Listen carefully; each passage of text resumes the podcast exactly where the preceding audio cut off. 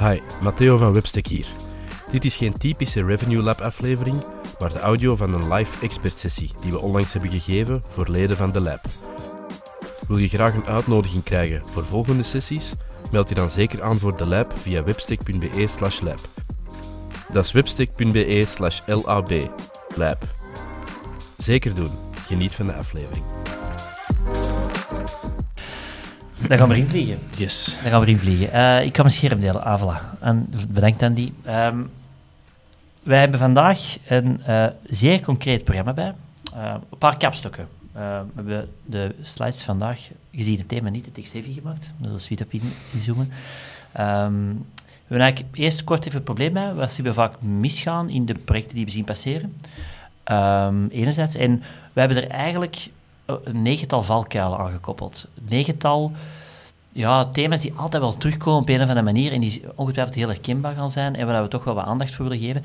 Er zijn er een paar die volgens mij heel evident lijken, of die ons heel evident lijken, maar die we toch telkens opnieuw zien fout gaan. Dus daarom denk ik dat het niet fout is om die opnieuw te herhalen. En zeker als je voor een website-transitie staat, om daar echt rekening mee te houden en om dat echt mee te pakken als checklist van kijk, zijn we hier tegen ons zondigen of niet? Mhm. Want het, het gebeurt heel snel. Uh, toch een paar topics in die, van die negen um, zien we heel veel passeren. En we gaan uiteraard de drie vragen, denk ik, die zijn ingestuurd, al zeker in de Q&A uh, nadien beantwoorden. Meestal, naar goede gewoonte, op een half uurtje tot maximaal drie kwartier proberen we die negen topics even met jullie door te praten. Als er, want het is een topic dat heel herkenbaar zal zijn, uh, als er uh, vragen zijn of uh, stukken waar je wilt inpikken, stuur gerust uw vraag in. dan laten we die vraag in beeld komen en proberen we daar um, uiteraard ineens op te antwoorden. Moest het kunnen, anders pakken we dat in de Q&A nadien wel, wel mee. Voilà. Top. Goed. Dan gaan we in vliegen. Hè? Ja. Um, we zullen misschien beginnen met het probleem.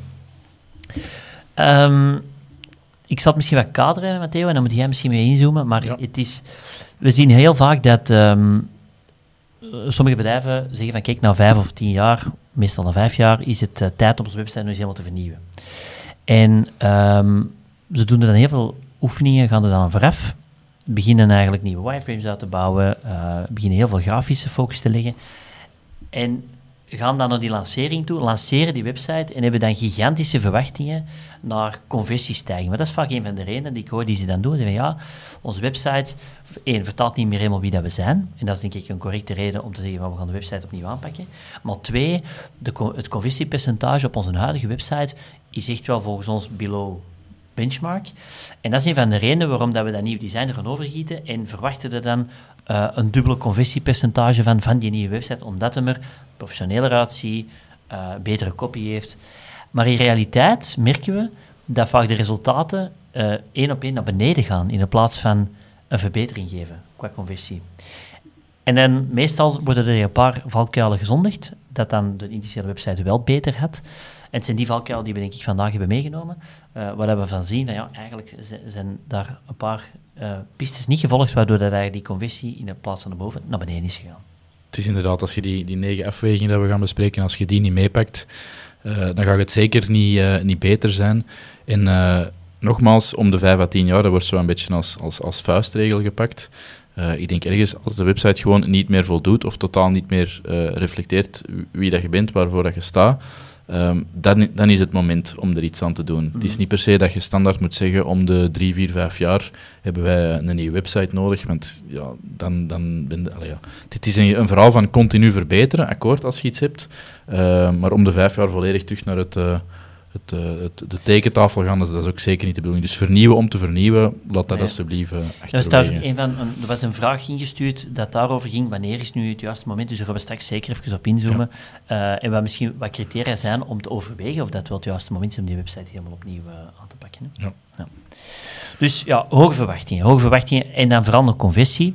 Uh, want zien dat we de, de, website gaan vernieuwen, dat dat, als het in een, omdat het in een nieuw jasje zit, dat het dan betere conversies gaat hebben. Integendeel vaak. En um, we zien vaak dezelfde valkuilen terugkomen. De eerste die heel veel terugkomt, en we hebben altijd een sleutelwoord genomen om daar uh, het verhaal waar rond op te bouwen, en dat is intransparantie. Wat we heel vaak zien passeren, is dat bijvoorbeeld, uh, ik zal het misschien al inleiden, dat de vorige website vijf jaar live stond, dat daar heel veel informatie op was opgebouwd. Ehm, vaak te veel, hè, want dan zegt men vaak in de, in de evaluatie om de website te gaan vernieuwen, ja, onze website, we, we vertellen veel te veel, we moeten veel minder vertellen en ehm, we moeten wat teasen, en, maar als ze zover zijn dat ze ons overwegen, dan moeten ze gewoon met ons contact opnemen en ons sales team zal de rest wel doen. Dus prijzen, die infobrochures, die technische uh, pdf's die we bijvoorbeeld allemaal te beschikking hebben op de website, die gaan we er allemaal in 3Design afhalen. En uh, we gaan ze sturen een contactvorm en voor de rest gaan we het niet te complex maken. Er zit iets in, maar het probleem is, dat, en dat is eigenlijk het, het punt dat we daar zien, uh, dat is nu net het stuk dat je niet mocht weglaten. Dus als mensen in een overwegingsfase komen, um, of in een conversiefase komen, de informatie die ze dan nodig hebben, moeten we net wel ter beschikking houden. Want dat is wat ze vandaag verwachten van uh, een digitale plaats, een website bijvoorbeeld, om die informatie wel te kunnen vinden zonder dat men eigenlijk met iemand van het salesteam per definitie in contact zou moeten kunnen komen. En dat is een denkfout, denken wij, die heel veel bedrijven maken bij een nieuwe website. Is, hij moet niet te bombastisch zijn, dat is waar, maar vergeet, laat niet het essentiële weg waar men eigenlijk overweegt in een conversiefase. Ja, de website, allee, we zeggen dat soms, dat, is, dat moet meer een checkout worden dan een, een het, het, corporate visitekaartje van vroeger. Uh, maar naast een checkout is, blijft het ook een, een buying assistant. Mm -hmm. Dus er moet informatie op staan die, uh, waarmee dan een bezoeker autonoom aan de slag kan om nog ergens verder zijn, zijn keuze te gaan vormen. Um, maar gewoon puur zeggen van um, de enige optie op onze website is, uh, is de vijf, uh, ons vijf voordelen ontdekken en dan contact aanvragen. Dat zijn de enige opties. Ja, dat is wel ja, dat is nieuw dat je gaat winnen met, een vernieuwing of met een redesign. Nee, en we zien letterlijk de conversiepercentages halveren als je dat doet. Dus, en dat is misschien ook ineens een, een oproep aan, aan bedrijven die zeggen, ja, onze website moet echt net een teaser zijn. Uh, al onze data zegt eigenlijk tegenovergestelde. Dus uh, probeer echt wel na te denken als mensen en probeer dat echt af te stemmen met, met je prospecten. Als je aan het overwegen bent om ons product aan te kopen of onze service in te schakelen, wat zijn dan de vragen die je beantwoord wilt zien? En zorg ervoor dat dat echt wel een plaats krijgt op de website, want dat is echt wat mensen zoeken en wat mensen nodig hebben om die drempel over te geraken, om dat conversie of die stap tot conversie uh, effectief te voltooien en dus in je conversiedata te, te geraken. Wat ook weer niet maakt dat je website heel bombastisch moet worden, nee, dat, dat, nee. dat, alles per se daar een plaats moet hebben. Ik denk uh, ook waarom dat we deze aflevering nu doen, of in, in, in deze periode, of in deze tijd van marketing, is het gegeven dat, um, waar organisaties vroeger dachten dat heel de funnel zich afspeelden op de website, dus dat ze daarvan de eerste kennismaking tot het overwegen, tot het, uh, tot het effectief ja, tot actie overgaan, dat dat zich op de website afspeelde, uh, zien we meer en meer dat, dat laatste stukje, mensen waarbij dat, dat al redelijk concreet is, die de laatste bevestiging nodig hebben of die dat effectief in actie willen nemen, daar is de website eerder voor gemaakt. Dus zoals ik net zei, het is eerder een checkout en er moet in, inderdaad wel transparante informatie rond pricing, rond werkwijze, rond de problemen dat je oplost, rond de situatie um, die dan na een samenwerking of na het aankopen van het product hoe dat die zou verbeterd zijn of beter zou zijn dan ervoor. Uh, maar je merkt ook wel heel sterk dat het zoekgedrag, het oriënterend uh, gedrag van een gebruiker, dat dat zich op andere kanalen, op andere plaatsen afspeelt. Uh, dus uw aanpak, en, en dat hangt er nu eenmaal mee samen, zou nog altijd wel moeten zijn dat er heel veel inhoudelijke branding, heel veel informatie, heel veel kennisdeling moet gebeuren maar daarom niet per se allemaal op uw website. Ik denk mm. de distributie ervan en de verspreiding daarvan of de aanwezigheid zal voor dat stukje misschien eerder op andere kanalen zijn. Mm. En dan als het iets pertinenter of concreter wordt, daar moet uw website op, uh, op geënt zijn. Neemt dus absoluut niet weg. Er is nog altijd uh, ruimte voor bijvoorbeeld een, een, blogomgeving of ergens een informatiehub. Dat moet, uh, dat, dat moet zo zijn. Uh, maar het is niet dat dat per se de verzamelplek van alle content dat je ooit hebt gemaakt moet, uh, voilà, moet heel, zijn. En dat is het ding. Hè. Het gaat vooral over niet heel de geschiedenis van ons bedrijf moet daar helemaal uitgekampt zijn per jaartal. Uh, niet onze volledige corporate mission statement moet daar in, in, in drie A4's uitgespit zijn. Dat zijn van die stukken, ja, ik denk dat we daar wel wat voorbij zijn. Um, wat dat niet wil zeggen dat je positionering er niet mag afstralen, maar ik denk niet dat je dat nog in zo'n text-heavy contentpagina's moet steken. Maar vergeet niet dan want dat is wat ze dan doen. Uh, ze gaan dan ineens alles overboord gooien. Zowel dat als dan al die documenten en pdf's die ze dan effectief sommige profielen wel consulteren voordat ze de volgende stap nemen. Ja, dat moeten we wel, wel behouden natuurlijk. Hè. Want als je dat allemaal overboord gooit, ja, dan wordt het intransparant. En dan kunnen mensen heel weinig doen op de website of heel weinig gevoel krijgen dat die oplossing of die service eigenlijk een goede oplossing zou kunnen bieden. Ja, en dan is men weg en dan, en dan gaat men sneller uh, concurrenten overwegen, hebben we moeten ondervinden. Ja. Ja, bij verwarring of onduidelijkheid, ja, dat gaat nooit in uw voordeel uitdraaien, denk ik. Nee. Dus dat is één eh, een goede, denk ik, al eens over na te denken. Als we voor een nieuwe website staan of we zijn een bestaande aan het aanpassen, zijn we nog transparant voor mensen die in een overwegingsfase komen. En hebben we daar alle documenten voorhanden op de website om daar al een eerste eh, inzicht om te geven.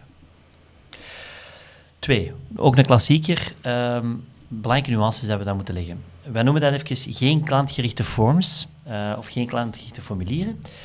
We zien heel vaak dat bij het vernieuwen van de website dat men heel hard bezig is met efficiëntie. Belangrijk. Eh, we denken dat we alles efficiënter en gestroomlijnder willen maken. Maar dat wil niet zeggen dat we formulieren moeten gaan maken die voor ons als bedrijf ideaal zou zijn, moest onze prospect die 40 velden invullen, vooraleer dat men eigenlijk met ons in contact kan komen. Dat is een beetje de nawees, sorry voor Ja. het onderbreken, van de CRM-beweging. En op zich is die positief. Mhm. Maar nu wil iedereen van bij de start op elk mogelijk eh, formulier, of met eender welke intentie dat achter een mogelijk formulier kan zitten, willen ze ineens een prospect uitkleden, alle informatie weten. Terwijl voor een nieuwsbrief heb je niet dezelfde informatie nodig als voor een offerte. En zelfs dan gaat het soms te ver. Hè. Voor een offerte je hebt bepaalde gegevens nodig. Eh, maar het is niet zo dat je, ja, dat je het zo complex en zo groot en zo uitgebreid moet maken dat het een drempel wordt om, om in te vullen. Ehm, Of, of, of gebruikt, die, waar we niet bij stilstaan, dat je prospect dat misschien niet begrijpt op de juiste manier en daardoor zegt van ja, ik weet eigenlijk niet goed wat, ik hier moet invullen, dus ik, ben, ik laat het los en ik ben terug weg. We hebben letterlijk zo'n cases gezien waar, dat, waar dat er heel wat technische eh, zaken worden gevraagd, Ehm, maar wat dat eigenlijk normaal in een salesgesprek wordt behandeld, om, die klant wat te begeleiden van oké, want ik snap dat je niet altijd weet wat dat, wat dat inhoudt, dus ik ga je erin begeleiden. En dan kunnen dan een klant in meeloodsen, maar die denkoefening vergeet men dan omdat ja, dan, dan vergeet men eigenlijk om dat dan digitaal door te vertalen en dat gewoon op dezelfde manier in een formulier uit te spitten. Maar dan zie je dus dat die conversies ook nooit eh, in die orde gaan zijn. Dus probeer echt wel na te denken op vormniveau. Wat is echt de essentie die we nodig hebben om een goed gesprek aan te gaan? Om een eerste goed gesprek aan te gaan. En heel veel dingen kun je in dat eerste gesprek samen opvragen, maar dat hoefde niet in dat formulier ingevuld eh, te zien bij de start. Wat ik niet wil zeggen dat we naar de tijdperk moeten gaan, dat we enkel het e-mailadres moeten hebben. nee, nee, natuurlijk. Ehm, ja, want er is ook een, een, tegenbeweging geweest, de laatste vijf jaar denk ik of zo, om enkel dat, naar de essentie-essentie te gaan. Ik denk wel dat je wel de basisinformatie moet mee hebben. En één veld extra vragen, dat heeft geen impact op conversiepercentages, maar dat is ook nog een mythe die soms leeft. Als ik eh, dit of dit zou bijvragen, ja, dan gaat mijn conversiepercentage droppen. Die impact hebben wij, of zien wij toch heel weinig, ehm, van een extra veld. Maar ga niet overboord en eh probeer het salesgesprek niet in een formulier te steken. Hè, want dat is dan uiteindelijk wat we soms zien. Ja, inderdaad. Ehm, en dat werkt alleen maar eh, tegen. En dan hebben we nog wat ja, praktische zaken, om bijvoorbeeld een opbouw van een formulier. Daar zal ik misschien eens een, eh, een LinkedIn-post of zoiets rond doen. Ehm, maar we analyseren met TeamPaid heel vaak de, de, de landingspagina's die vandaag voor marketing gebruikt worden. En dan, het kan aan heel stomme dingen liggen. Hè. De, de, de volgorde waarin dat zo'n formulier is opgebouwd. Ehm, de, de, de, hoe breed dat je dat toont op je website, hoe, hoe bombastisch of hoe compact dat, dat eruit ziet. Je probeert altijd voor compact en een logische volgorde te gaan, ehm, voor optimale ratio's. Want vanaf dat er atypisch uitziet, of het is te breed, of invulvelden, ja, er wordt precies verwacht dat je een boek schrijft, maar je zou niet weten wat je er zou moeten zetten. Ja, dat gaat altijd afschrikken en dat gaat conversies eh, tegenwerken. Ja. Maar die, die, die concrete zaak kan ik nog wel eens een keer verzamelen of zoiets. Maar eh, compact, logisch en de juiste, allee, Ja, de- juiste te- velden voor de intentie. Voilà, probeer er echt bij stil te staan. Wat hebben wij nodig om een volgende stap te kunnen zetten als iemand deze vraag of deze formulier invult? Ehm, en dat is betrekkelijk weinig, hè, eigenlijk. Eh, dus ik probeer daar echt wel naar de essentie te gaan. En de rest kunnen nadien verder aanvullen, maar bouw daar al geen onnodige drempels in als dat niet nodig is. Hè. Ehm, dus dat is wel echt een heel belangrijke, want dat heeft ook wel eh, impact op je conversie. Ten derde, eh, ook niet te onderschatten, we noemen dat momenteel het gebrek aan een ja, emotionele connectie, we zullen het zo noemen. Ehm, we zien dat heel vaak bij bedrijven die heel productgeoriënteerd zijn, dus echt productiebedrijven bijvoorbeeld, die eh, de website gaan vernieuwen, die dan echt een zeer rationele website maken met alle features van dat product bijvoorbeeld, maar die geen emotionele connectie leggen. Hè, die eigenlijk, en emotionele connectie kan op verschillende aspecten zijn. Hè. Dat kan gaan over gewoonweg persoonlijkheid eh, eh, erbij brengen. Bijvoorbeeld als starten met stokmateriaal, eh, stokbeelden, waar je direct van voelt dat dat stokbeelden zijn. Ja, en daar breekt eigenlijk direct heel veel dingen mee af, omdat je daar je authenticiteit wel wat kwijt bent. En dan zegt je, ja, we zullen dan later wel dat beeldmateriaal, eigen beeldmateriaal shooten, maar dat gebeurt dan in 90% van de gevallen gebeurt dat niet meer. Dus dan blijft dat stokmateriaal er vijf, hè, vijf jaar staan. Ehm, dat is wel echt een belangrijke. Maar dat gaat verder dan dat. Hè. Dat gaat echt over... Het zou letterlijk kunnen zijn, stel nu voor dat je ehm, heel relevant zou zijn voor vastgoedspelers. Mhm. Eh, ik, ik maak het even belachelijk, maar dan zou ergens in je Hero Component op de homepage kunnen staan... ehm, hey beste vastgoedspeler, eh wij kennen uw leefwereld en wij weten dat je met deze drie problemen worstelt. Mhm. Dat is nu even bij de haren getrokken, maar effectief aantonen voor wie dat je relevant bent en, en, en illustreren dat je weet hoe dat je leefwereld in elkaar zit, dat is ook al connectie. Naast inderdaad foto, eh, fotomateriaal en, en ja, gewoon qua, qua tone of voice persoonlijkheid brengen in, eh, in, in, in uw website copy. Want dat is vaak ook heel steriel, heel grijs, heel afstandelijk. Heel afstandelijk, dat, dat vind ik ook, Ehm, en dat is ook het ding. Hè. Er en- wordt en- geen en- gevoel gecreëerd van ik begrijp waar dat jij tegenaan loopt en wij gaan dat voor kunnen oplossen. Nee, dat je- gevoel zit er in heel Je kunt in. met een mix van die zaken ook al direct heel sympathiek overkomen en er kan ergens al een, een connectie of een klik zijn. En dat is wat dat je wilt bereiken. Is dat daar op zich dan doorslaggevend? Nee, niet per se, maar het verschil tussen een website waarop dat je landt, waar dat je je helemaal in herkent, of die dat, die dat heel duidelijk weergeeft dat ze, dat ze u begrijpen, tegenover een die dat dan misschien even goed begrijpt, maar dat totaal niet aantoont en dat heel afstandelijk houdt. Ja, ik denk dat iedereen waarschijnlijk voor optie A zal gaan in dat geval. Ja, ja, ja, effectief. Ehm, dus ook niet onderschatten, maak het niet te, eh, ja, te gezichtsloos. eh. Zelfs in B2B dan. Hè? Ja, ja dat is wel- helemaal. ja. helemaal eh. het gaat altijd over mensen. Als je in business zit, als het nu over producten of diensten gaat, er is altijd rond de mens gebouwd. Dus probeer er ook echt wel een, een plaats te geven op de website. En probeer er echt aandachtig voor te zijn. In kopie, in beeldmateriaal. dat je dat niet zomaar overslaagt. We hebben het onlangs meegemaakt.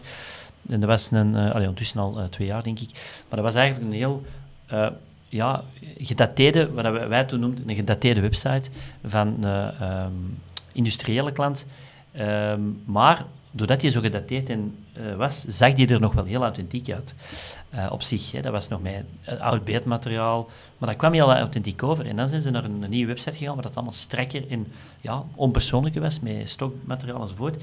En dat had ook weer al impact op dat conversieverhaal, omdat je, er zat geen gevoel in dat merk, in dat bedrijf, en dan spreekt dat ook veel minder aan om, om een stap verder in te gaan. Dus dat was echt ook wel een learning dat ze hebben meegenomen. Zo, ja, nee, we moeten daar toch echt wel meer toch een gezicht gaan, gaan aan eh, kleven. Ja.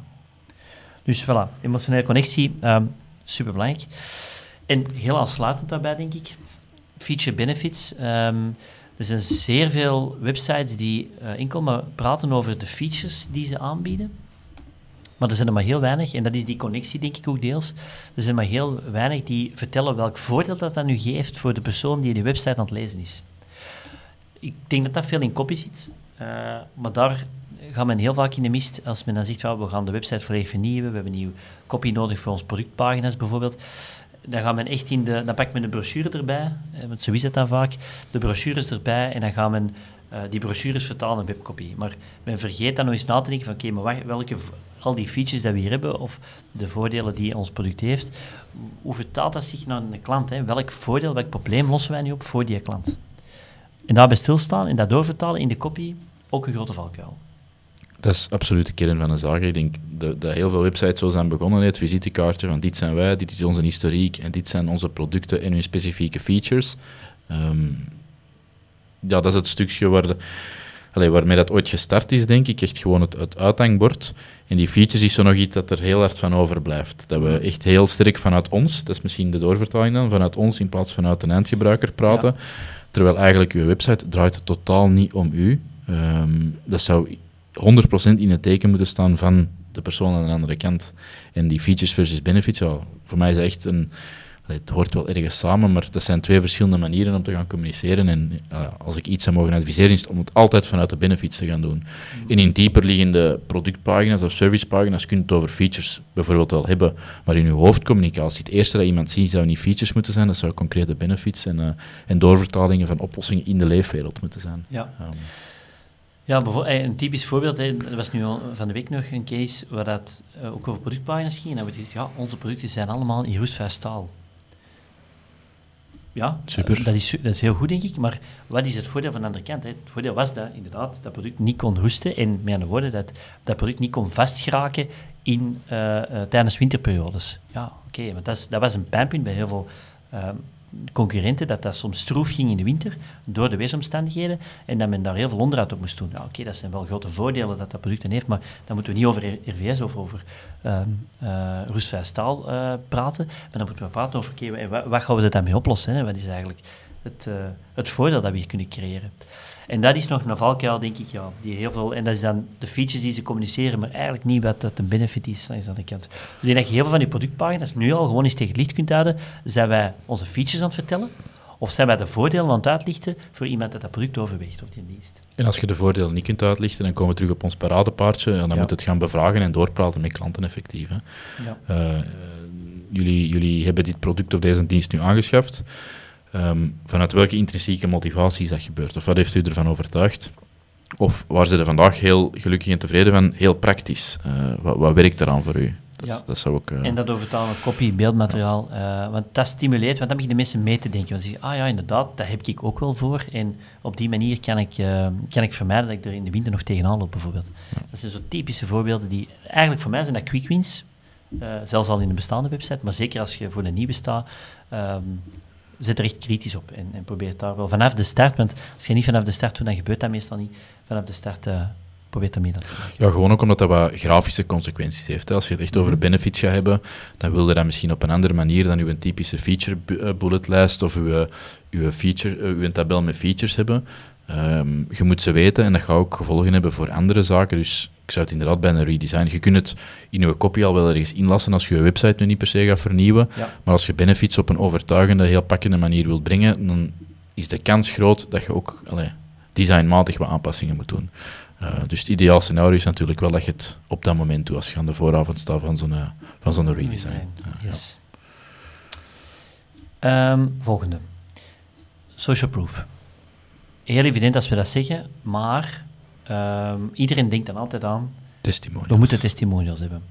Maar dat is veel meer dan dat. En dat willen we vandaag dus even benoemen. Je kunt veel meer doen met uh, social proof dan het gebruik van testimonials eh, of van quotes op de website.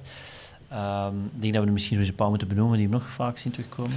Ja, dat zit hem in kleine dingen. Hè. Bijvoorbeeld als je um, bepaalde awards zou hebben gewonnen. Um, nu, er wordt vaak wel met geschermd dan, maar ook niet altijd, hè, want we komen soms bij partijen die dat dan, waar dat wij weten, in de vergaderzaal staat er van alles of hangt er van alles, en dat is dan ergens gereflecteerd op de website, terwijl dat wel heel sectorspecifieke uh, erkenningen zijn. Dus als je dat ergens kunt terugbrengen, al is het maar in de footer, maar er zijn meer logische of nog veel andere plaatsen waarop dat je dat kunt doen, uh, lijkt me dat een, een heel goede. Um, bepaalde certificaten die dat je zou hebben gehaald, uh, in ons geval nu, dat kunnen dan misschien HubSpot-certificaten of Google-certificaten zijn. Het kan maar een extra duwtje in de rug geven uh, om aan te geven, ja, die examens zijn hier gebeurd, hier lopen experts rond, rond die die, die, die materie echt wel in de vingers hebben, die die examens halen. Um, dat zou bijvoorbeeld ook dingen kunnen zijn. En, en, te vaak wordt er zo gewoon gezegd, we gaan uh, een drietal uh, testimonials zeggen of quotes. Um, ik ken zo'n paar klanten waar dat al, uh, of een paar bedrijven waar dat al jaren dezelfde quotes zijn, terwijl dat in, uit Google My Business perfect nieuwe zouden te rapen zijn. maar dus die awards, die certificaten, ja, dat zijn er al twee, twee extra's dat je gemakkelijk ja. mee zou kunnen spelen. Uitgebreidere cases. Uitgebreidere cases zijn ook wel een quote is goed, maar een uitgebreidere case waar je die klant ook aan het woord laat, heeft daar ook wel gigantische impact. We zien dat trouwens bij elk, um, ik denk dat we een van onze um, podcastafleveringen ook al hebben verteld, maar we zien dat in, als we websiteverkeer analyseren vanuit campagnes die we voeren, zien we dat bijvoorbeeld cases um, in heel veel gevallen continu worden bezocht. Hè. Want soms wordt er gezegd, ja, wie leest een case? Maar eigenlijk is dat wel betrekkelijk veel. Zeker voor mensen die het juiste gedrag vertonen en die dus naar een conversie aan het neigen zijn. Die hebben meestal een van hun laatste contactpunten is ook effectief wel een case of een testimonial video geweest.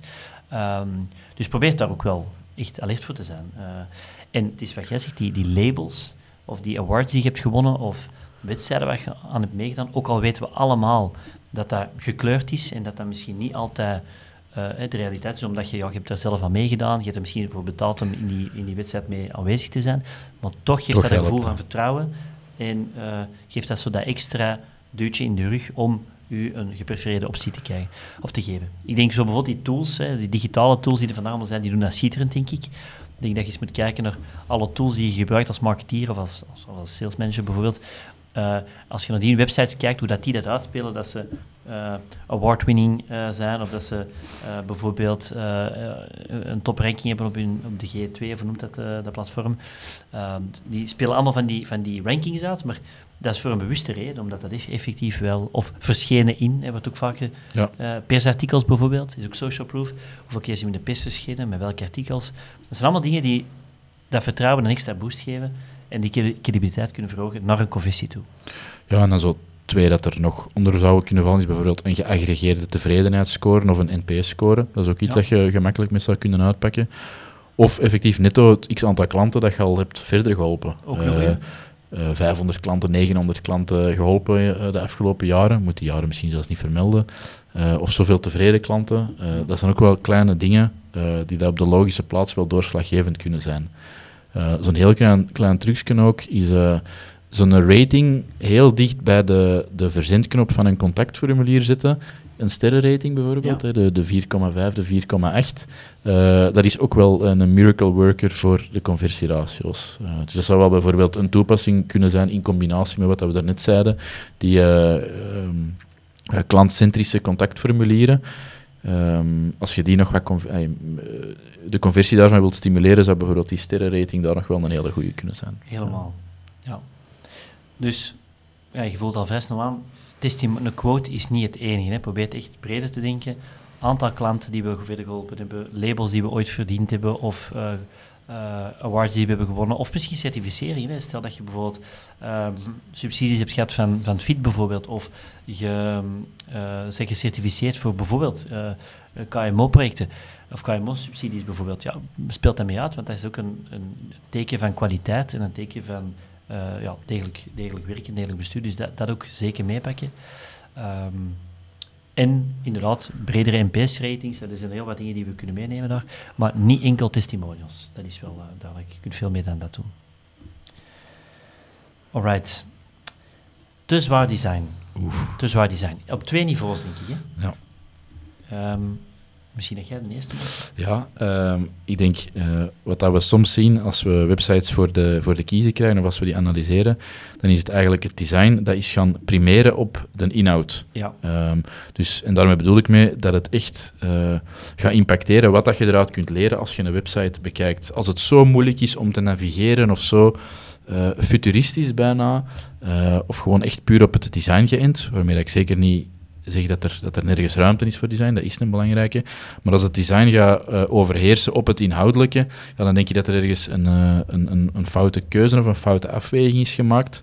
Uh, want vanaf dat, ik heb het er straks al gezegd, als het, als het niet duidelijk is of het is moeilijk of een gebruiker vindt zijn weg niet, dan ga je het nooit in je voordeel uitdraaien. Dus als mm. je, als je de, de, de navigatie of de route of, of hoe dat iemand zich op je website kan bewegen, als je dat op een of andere manier bemoeilijkt, zelfs al is dat uh, vanuit een, een heel leuke insteek dat je het, het, het een, een mooi design wilt hebben, eh, of iets designmatig heel sterk wilt neerzetten, ja, dan ben je er natuurlijk weinig mee. Dus design om design um, zou, ik nooit, zou ik nooit meepakken. Ik denk design en, en het inhoudelijke moet samen tot stand komen. Misschien dat dan nog iets. Het, is, het moet mekaars even knie zijn, maar het textuele, heavy, het inhoudelijke mag niet gaan overheersen. Het designmatige aan de andere kant zeker ook niet. Um, design om design. Ja, we hebben zo'n paar... We hebben een paar eh, gezien, hè, en dat is uh, ja, ook daar, hè, je ziet dat, dat niemand zijn weg daarin vindt, in zo van die... Um, Heel exotische... Uh, ja, ja exotische, exotische designs.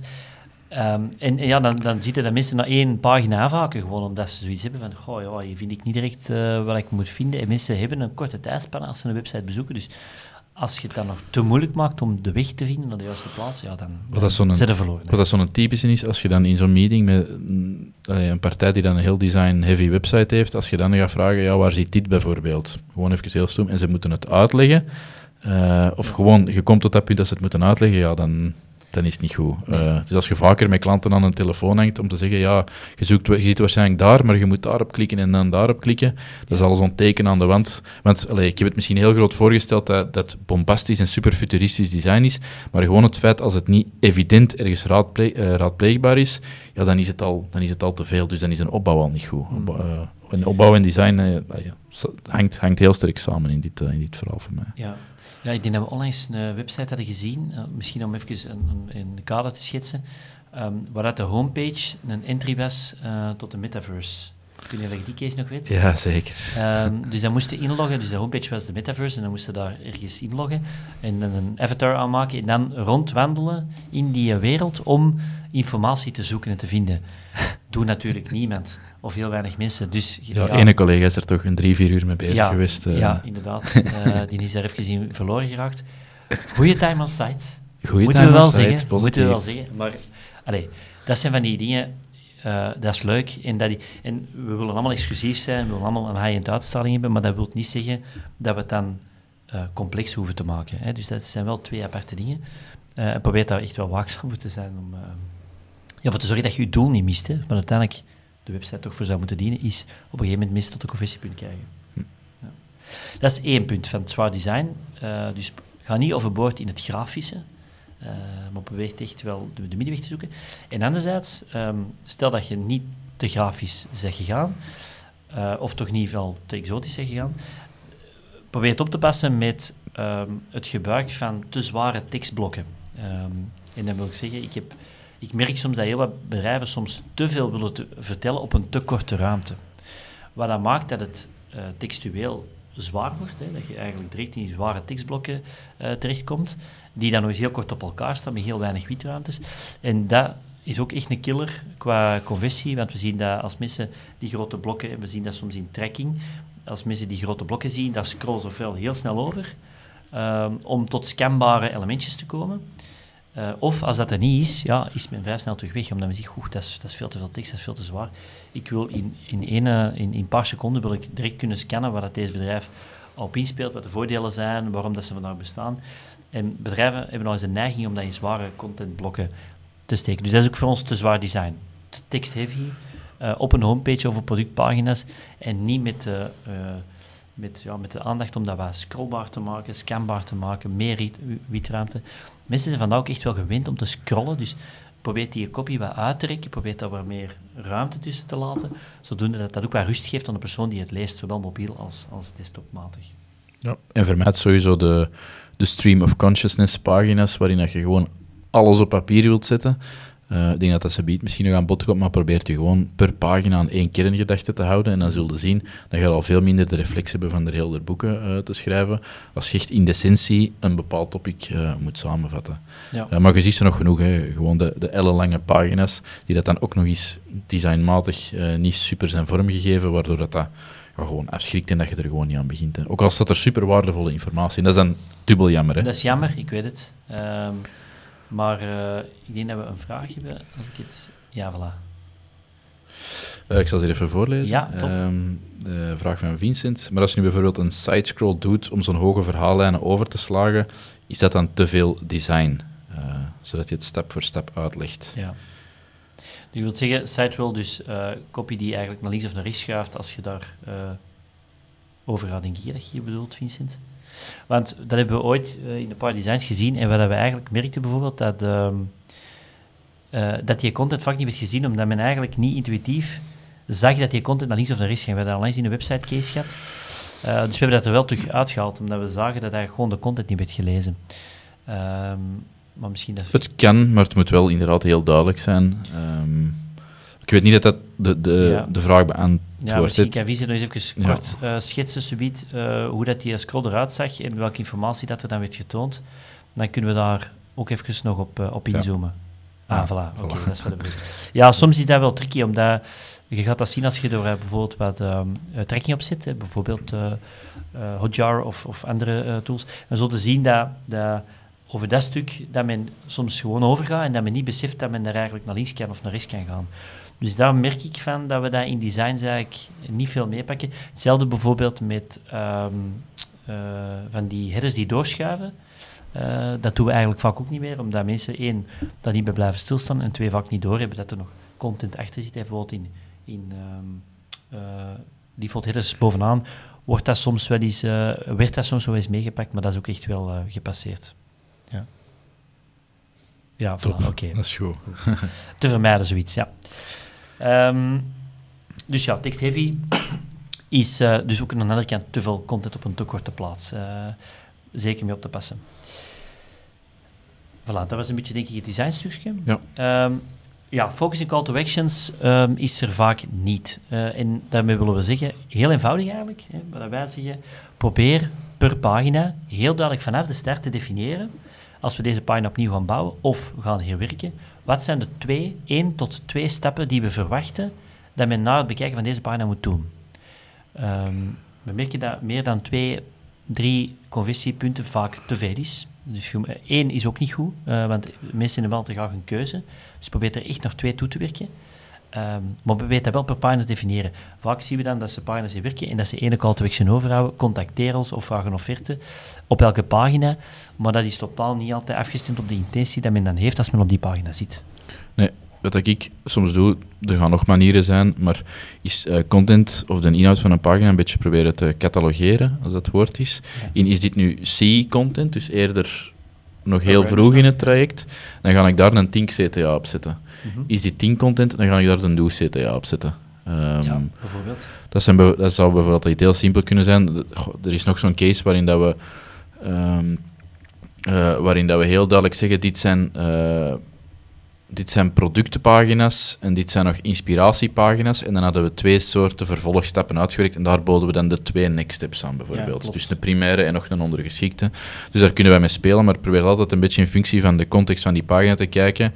Uh, wat zou hier nu de next steps zijn? Uh, een, een, blogartikel waarin dat je al heel diep um, ja, advies geeft over hoe dat je je keuze zou moeten maken in de afweging dat je zou moeten doen. Daar zou een next step, hè, want dat is de thinkfase, dat zou wel een contact kunnen zijn of een, uh, het maken van een afspraak. Iemand dat gewoon met een bepaalde pijnpunt zit en die wil een heel duidelijk een tutorial van hoe dat hem dat zou kunnen oplossen of een stappenplan van hoe dat hem ermee aan de slag zou kunnen gaan, die kunnen misschien eerder richting een think asset sturen. Ik denk dat dat al zo heel bazaal, er gaan waarschijnlijk nog tientallen manieren zijn om dat op te pakken. Maar vind ik al een goeie. Gewoon puur, dan, daar kunnen we misschien morgen al mee schakelen. Want we zien vandaag gewoon dat op heel veel pagina's dat die worden uitgewerkt, wordt veel tijd ingestoken. En dan op het einde van de rit vraag je af, ja, en wat was nu de verwachting? En wederom, als ze zich moeten afvragen wat de bedoeling is, dan gaan ze waarschijnlijk niet de juiste actie nemen en zijn ze waarschijnlijk weg. Ja, helemaal. Ehm, en dan vaak zien we dat bijvoorbeeld, zowel op een homepage als een productpagina, ze overal een contact of een, een offerte uitspelen. Of in e-commerce uh, verhalen uh, conversie. maar dat is helemaal niet de realiteit. Hè? Want als je voor de eerste keer binnenkomt op een homepage, dan wil je misschien eens eens weten, waar staat dat bedrijf voor? Hoe werken die eigenlijk? Hè? En, en welke diensten of, of, producten bieden die eigenlijk aan? Dus dat zijn misschien meer call to actions dat je daar kunt uitspelen. En op een productpagina gaat die inderdaad wat sneller naar een contactvorm. Of gaat er misschien inderdaad uh, wat content en een call to action steken om bijvoorbeeld eens, eens te bekijken hoe dat dan concreet dat product kan gebruikt worden. Zou ook perfect kunnen. Of je, je aan een calculator, dus om eens te kijken, als ik dat product zou gebruiken, wat zou ik besparen? Of wat zou ik uh, kunnen elimineren, bijvoorbeeld in mijn huidige uh, setup? Dat zijn van die ideeën die je daar kunt in verwerken, maar probeer niet overal dezelfde mee te pakken, maar probeer echt wel wat custom te maken per categorie van pagina. Dus je kunt zeggen, perfect, bij de bij ons productpagina's pakken we allemaal dezelfde type van één of twee call to actions dat we uitspelen. Homepage gaan we apart tikken, in de werkwijze gaan we een apart eh, twee, eh, twee voorzien bijvoorbeeld. En dan gaan we daar de link terugleggen naar de producten. Allee, je moet dat natuurlijk wel een beetje op maat bekijken van je, van uw bedrijf, maar um, staat dan bij stil vanaf de start. Hè. Denk niet alleen welke kopie willen we vertellen, maar vooral welke stap willen wij hier uit voortbrengen. En probeer dan echt mensen in te begeleiden wat dat de logische next step zou kunnen zijn. En nog vaak ziet, is um, het heel traditionele. We gaan de CTA gewoon helemaal onderaan de pagina zetten. Ja. Dat is goed als een begin, maar een in-page CTA, ergens halverwege, die dat grafisch misschien ietsje lichter en ietsje compacter is, dat is ook zeker een mogelijkheid om mee te pakken. Zeker als we over langere pagina's gaan bijvoorbeeld. Effectief, ja, omdat we, als we, dus we hebben de straks we zijn meer aan het neigen naar pagina's die langer worden, met uh, lichtere stukken van content, dat die scanbaarder worden, dat je er gemakkelijker kunt doorscrollen. Maar dat maakt dat die dus veel langer worden en dat je dus eigenlijk wel die call to actions meer in die, in die verschillende lagen in die website mocht opbouwen. Hè. Je mocht perfect bovenaan, midden en onderaan call to actions in verwerken. Um, dat is echt oké. Okay. Je, je, moet dat zeker niet op één punt in een vaste blok uh, op elke CMS-pagina op het einde van de rit houden. Ja. Dus voilà, focus in call to actions, denk daarover na en schrijf het uit of definieer dat per pagina. Um, ja, logische opbouw ligt een beetje in lijn met de vorige. Um, we zien heel vaak dat ze heel veel moeilijkheden hebben, bij, zeker als we de content gaan uitschrijven, met een opbouw te gaan bepalen van een pagina. Wat gaan we nu eerst vertellen? Wat gaan we nu tweede vertellen? Wat gaan we nu derde vertellen? Um, ik denk dat er heel wat redeneringen rond zijn. Zeker rond een homepage, denk ik. ik denk dat wij vaak het, het verhaal gebruiken, wat is onze why eigenlijk? wat, hoe passen we dat vandaag toe en wat doen we dan uiteindelijk? Ehm, zo proberen wij dat vaak op te bouwen als het over een homepage gaat. Voor productpagina's is dat vaak gemakkelijker, maar ik denk vooral in die homepage dat er vaak heel veel opbouw mist. Hè. Ja, je hebt zo'n paar frameworks. Hè. De, Ja. daar, daar kun, je, ah, die kun je gemakkelijk googlen. Een populair voor de homepage is bijvoorbeeld de Hero's Journey. Het voorbeeld dat ik er straks een beetje aanhaalde. Echt aanhalen van... ehm, of vermelden, eh, hallo, we weten wie dat je bent. Ja. Dus effectief benoemen.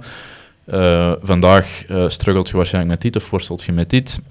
Ehm, en je, je hebt daar deze negatieve effecten van, maar wij hebben een oplossing eh, die werkt zo. En als je die implementeert, dan heb je dit, dit resultaat. eh, en dan nog wat social proof, dat is eigenlijk de ideale homepage. Ja, inderdaad. Ehm, dus echt iemand meepakken. Ik heb nergens echt buiten zo'n klein stukje misschien features opgenoemd. Het is echt heel herkenbaar voor, voor die bezoeker. je gaat die benefits in het begin meepakken, niet de Ja, features. je gaat die echt bij de hand nemen door zo'n traject. Ehm, en misschien zo nog één bij opbouw. Ik denk, probeert ergens in de designfase al over eh, ehm, templates van je statische pagina's eh, na te denken. Bijvoorbeeld, als je eh, een nieuwe dienst zou lanceren, probeer dan misschien dat ergens in lijn te houden met hoe dat je je vorige dienstenpagina hebt opgebouwd. Waar dat je soms ziet dat ze om een of andere reden van dienst per dienst ergens van nul beginnen of dat totaal anders opbouwen. Wat ik misschien ergens wel snap, maar veelal zal het, zal het heel gelijkaardig zijn hoe dat je het opbouwt. Zeker als je vanuit de benefits zou praten, als het niet meer zuiver eh, feature of product gericht is, Mhm. dan gaat het dezelfde logica wel kunnen hanteren. En dan is het voor een gebruiker ook veel logischer om en moest hem twee pagina's naast elkaar bekijken, eh, om daar ja, de, de opbouw van te zien en de opbouw van te snappen. Ehm, dat is nog een, een kleintje. Ja. Ehm, Ehm, ja, die is, die, dat model is ook zeker goed te vermelden. Ik denk dat we, kunnen we dat ergens een plaats geven, dat we dat voor de mensen die het niet hebben dat opgeschreven. krijg ik wel ergens Ja, dat weggezet. krijgen we Ja. Eh, we zullen dat mee in de, in de lab zetten. ja, dat is goed. Ehm, Oké, dus opbouw. eh, je gebruikt dat via een vast framework. Je begint niet gewoon in groep te brainstormen wat we allemaal willen vertellen, want dan, gaat, dan zijn ze eh, heel snel heel lang vertrokken. En dan heb je niet de logische opbouw voor de persoon aan de overkant. Dus zeer belangrijk. En dan de laatste, voordat we aan vragen starten, toch wel belangrijk, een paar technische aspecten die we hem vergeten. En het zijn er drie die altijd terugkomen, maar die iedereen kent. Maar als we over nieuwe websites hebben, of als we het hebben over websiteverbeteringen voor conversie, er toch nog zoveel zondig, allee, fouten tegen zijn. Ehm, snelheid, eentje. Men gaat daar grafisch overboord gaan, eh, maar men vergeet eigenlijk toch aan snelheid toch te denken, of men gaat het dan achteraf bekijken, dat is dan vaak het ding. We zullen de website dan lanceren en dan achteraf zullen we naar de snelheid gaan kijken. Het probleem is dat snelheid en rankings eh, in bijvoorbeeld zoekresultaat bijna één op één aan, elkaar gekoppeld zijn. Zeker omdat mobile zo belangrijk is, eh, is snelheid essentieel op websites. Ehm, en dan zien we ja, dat die snelheid in het begin niet goed zit. En eigenlijk die eh SEO-resultaten ook heel snel naar beneden gaan, omdat gewoon die snelheid ondermaats is en dat krijg je ook niet direct opgelost. Dus ehm, probeer daar echt bij de start wel over na te denken, eh, om die continu performant te krijgen. Want dat is geen detail. Dat Nee, zie, nee. Je ziet dat niet altijd, maar dat is echt geen detail als je live gaat met een nieuwe website, want dat kan gigantische impact hebben. Ja, en haalt er eigenlijk al ergens ten, ten tweede aan, dat is dan mobile. Ja. Ehm, het voelt ook zo weer wel als een cliché om te zeggen, want het is al een, een paar jaar en, en we denken altijd dat het geweten is, Ja. maar het gewoon het... allee, in heel veel... Ik kom maar zelden organisaties tegen waar dat desktop nog mobile over, eh, overheerst. Dus waar dat er meer verkeer echt effectief via de PC komt dan via de, de smartphone. Ehm, dus design, ik wil niet zeggen dat je mobile first moet gaan designen, maar dat dat ergens in het begin al heel sterk wordt meegenomen, of dat dat, dat, evenwaardig is aan een desktop. Ja. Allee, dat, is, dat is wel een, een, een superbelangrijke. Al is het dat je het 50-50 als even niet bekijkt, maar dat mobiele stuk dat mag niet meer zijn van we gaan, een, eh, eh, we gaan dat nu als afterthought, eh, al- als, als tweede in het rijtje gaan we ook nog de mobiele versie Ja. daar eens over nadenken. Allee, dat zou eigenlijk zo meer en meer de, de, de eerste in het rijtje gaan moeten Ja, zijn. effectief. Maar ja, snelheid mobiel, echt geen detail. Ik weet, iedereen weet het, maar toch zien we dat elke keer in heel veel cases misgaan. En aansluitend daarbij is er natuurlijk redirects. Eh, redirects, eh, voor degenen die het niet kennen, ehm, eigenlijk de oude links die op de oude website staan, die gaan een nieuwe plaats krijgen, of misschien geen plaats meer krijgen op de nieuwe website. Maar het is wel belangrijk dat je aangeeft in zoekresultaten waar dat die oude links nu naartoe mogen gaan. Hè, waar dat mensen die bijvoorbeeld die oude link klikken, waar dat een nieuwe bestemming mag zijn op de nieuwe website, of misschien eh, centraliseren omdat die niet meer bestaat bijvoorbeeld. Maar die link, hè, dus die techniciteit aangeven, noemen we dan een redirect, dat wordt ook soms vergeten, gewoon bij, nog altijd bij uh, websites die dan worden overgezet. Maar ja, dan gaan uw rankings zwaar naar beneden en dus ook uw trafiek naar beneden. En heeft dat dus een gevolg op uw conversies. Hè. Hoeveel dat we dat hebben zien passeren, ik heb er jammer genoeg dit jaar weer uh, twee zien passeren, um, die de nieuwe website hebben gelanceerd, die niet hebben nagedacht over die redirectlijsten. Um, op zich is dat niet super complex, maar je moet het wel doen. Gevolg, website-gedeelte eh, gehalveerd. We hebben dat, die redirects, we hebben dat vrij gezien toen we die redirects eigenlijk nog wel na, na een week kunnen in, gang trekken. Maar die geleden schade die er is qua trafiek, uh, kunnen niet zomaar ophalen. Dat duurt maanden tegen dat dat teruggesteld. En uh, intussen zijn die conversies gehalveerd. Um, we hebben dat nu wel in deze case kunnen richttrekken met. Uh, Want er zijn genoeg waar dat niet gaat. Hè. Dat, na, dat, dat er na twee maanden iemand bij ons komt aankloppen. Ik heb een nieuwe website. Klopt. Het is hier volledig misgelopen of ik ben mijn verkeer kwijt. En dan gaan we een heel eenvoudige check doen. En er is gewoon droog op een gegeven moment de knop van de oude afgezet en de knop van de nieuwe aan. Maar zo die, dat, die overgangsfase, dat is ook super belangrijk. En dat is, dat is allee, twee. Je gaat er nu twee aan de afgelopen periode, maar dat, dat, gebeurt zo vaak. En als het te laat is, is het te laat. Dan moet effectief gewoon nieuwe, hele dure, uh, tijdsintensieve SEO-inspanningen beginnen doen voor dat, om dat mogelijk terug in te halen, want dat is nooit een garantie. En dat is zo jammer, dus probeer dat ineens ook op de agenda te zetten van, gaat die overzetting, gaat die lancering, gaan we dat wel vlot kunnen, kunnen doen. Hetzelfde met tracking bijvoorbeeld, dat je ineens zo'n hiatie van twee maanden dat er uh, geen tracking is, omdat dat dan ook niet is overgezet bijvoorbeeld. Mm. Dus dat zijn zo van die cruciale checks Allee, weinig mensen doen dat graag, wij worden er enthousiast van, maar het is wel heel belangrijk natuurlijk dat dat, dat, dat gewoon in orde is. Ja, klopt. Dus maak er een punt van om dat, eh, om dat aan te halen. Als je met, en daarmee bedoel ik dan zeker niet zeg, maar met een zuivere webbouwer werkt, dan misschien dat, dat technische of, de, of eh, waar dat zijn vooral stopt bij het opleveren van. wat niet verkeerd is, hè? maar je moet je er wel van bewust zijn dat er meer, uh, meer volgt nog. Ja. ja, zeker als je een website ziet met heel wat historiek en heel wat content dan gaat dat vaak ook heel wat uh, SEO-traffic hebben. En dan gaat SEO ook een groot deel zijn in je conversie. Dus vergeet dat niet en uh, ja, probeer daar meer rekening te houden om ervoor te zorgen dat je daar geen, ja, geen groot verlies hebt. En, want dat haalt de eerste 6 tot 12 maanden niet, niet in. dus de conversie toe heeft dat wel een grote impact. Voilà. Um, dat waren nog een paar technische aspecten. Dus die negen punten, die zien we in heel veel gevallen altijd wel terugkomen op een of andere vorm. Dus probeer daarmee rekening te houden. Probeer die negen punten misschien eens gewoon mee te pakken op een huidige website, om ervoor te zorgen dat je daar al verbeteringen stelselmatig kunt doorvoeren, om hem al conversiegerichter te maken met die negen kapstokken. Um, en als er nog vragen bij zijn, mogen die zeker komen. Uh, shoot, uh, in de chat mag je gerust nog extra vragen stellen, waar je misschien eens wat dieper op wilt ingaan als het gaat over websites en conversie. Uh, dan kunnen we daar ook nog onze ideeën over delen. We hebben in ieder geval nog drietal vragen die al zijn ingestuurd geweest. We zullen die al overlopen. Intussen ja. tijd, en dan uh, heeft iedereen nog wat tijd tegen die vragen willen stellen om die te stellen. Top. Geeft zeker uh, de heads-up, hè, uh, Andy. Um, eentje dat ik hier binnengekregen nog, um, vind ik wel een goeie. wat is nu het juiste moment om mijn website te vernieuwen? Het is misschien links en rechts aan bod gekomen, maar wat mhm. zou zo uw, uw antwoord daarop zijn, Nico? Um, ja, ik, ik vind dat er te vaak wordt gekeken naar de, de leeftijd van de auto, Allee, van de website. uh, zijn de, um, het is nu vijf jaar of het is drie jaar. Meestal, ik, oh, vijf jaar hoor ik heel veel. Het is vijf jaar geleden dat we de website hebben vernieuwd. Het is tijd. Uh, ik denk dat die mindset niet meer van deze tijd is. Uh, en dat je niet meer naar, naar het aantal jaren moet kijken. Want wat is de valkuil nu die er gebeurd is? Men doet dat één keer om de vijf jaar en dat is zo frustrerend of zoveel werk, het zo zeggen, zoveel werk dat men zegt, oh, de komende eerste drie jaar niet meer aan. maar dat is eigenlijk het probleem, want dan gaat eigenlijk in, in, in uh, vaste cycli werken, waar je zegt, we gaan hem één keer heel hard aanpassen, helemaal terug in lijn met wie dat we zijn.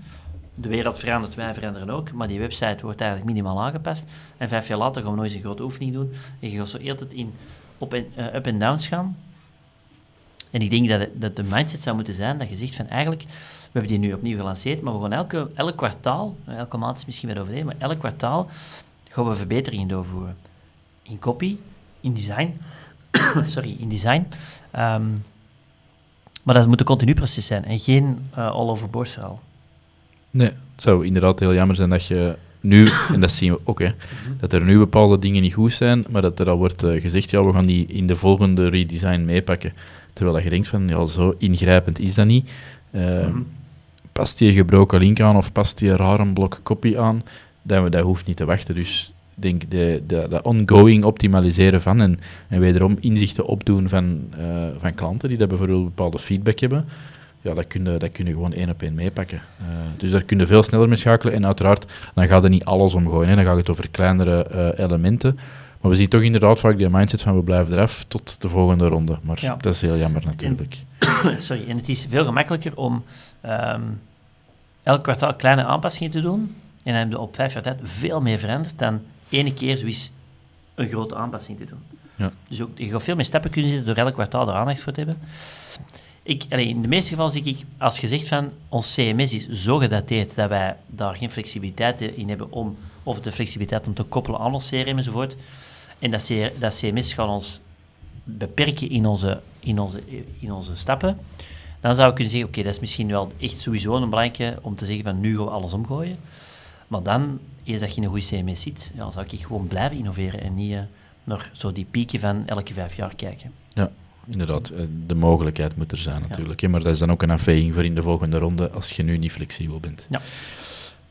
Um, ik ga even kijken. Mm -hmm. Oké, okay. ik denk dat ik nog een volgende van ja. ingestuurde kan doen. Um, een goeie, ik heb er ene dat ik zeker wil aanhalen. Welke elementen heb ik zeker of zeker niet nodig op een nieuwe website? Uh, ik zal misschien even openen. Ja. Dat is ook een typische um, dat we wel zien. Um, is zo de, de, het blokje schrijven we in op de nieuwsbrief. Dat wordt gemaakt. En dat staat dan op de website of op een vernieuwde website. En als we dan vragen aan de organisatie, moesten wij er bijvoorbeeld voor aan de slag gaan van ja, is er dan een e-mailstrategie?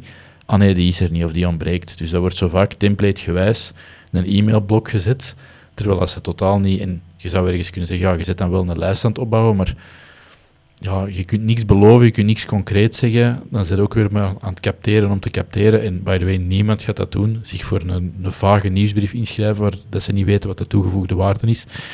Um, dus ja, als je geen strategie hebt of niet op korte termijn oog hebt op een strategie, ja, laat dat dan alsjeblieft achterwege. Dat is zo'n standaard blok, dat sluipt er altijd in, mm om de een of andere reden.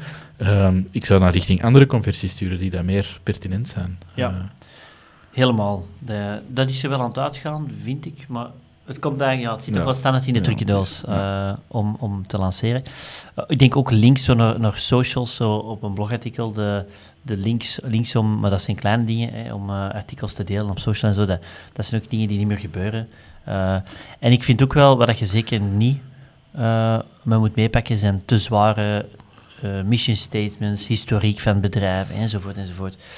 Het verhaal wat wij vertellen, hoe goed dat we zijn, um, ik denk dat dat wel wat gepasseerd is. ik denk dat je dat wat meer in, in, in, in je in je storyline of in je, in je storytelling moet vertellen uh, via social bijvoorbeeld, dat je daar je heritage en zo kunt tonen en, en in je beeldmateriaal, maar ik zou dat niet meer in zware text-heavy pagina's uh, steken bijvoorbeeld. Ja, ik ben er eens even aan het denken, maar dat zijn zo ook de twee dat ik nog inderdaad zou zeggen. Is er zo nog iets dat er altijd ja. inslaapt? Um, Sliders, zeg ik ook vaak, niet meer meenemen. Ja, dat zie ik nu wel, je zei er juist, dat zie ik minder, maar dat zie ik nu wel echt minder. Ja, dat is, uh, dat is echt wel aan. Dat begint zo. Ja. Ik denk dat ook bij webbouwers en designers er zo wat is ingeslopen, dat dat misschien minder... Uh, ja. uh, dat die een tweede of een derde gewoon weinig of niet gezien worden uiteindelijk. Ja. En dus bij uitbreiding misschien ook de vraag die dan net kwam van die een, verticale slider, ehm, of horizontale slider, sorry.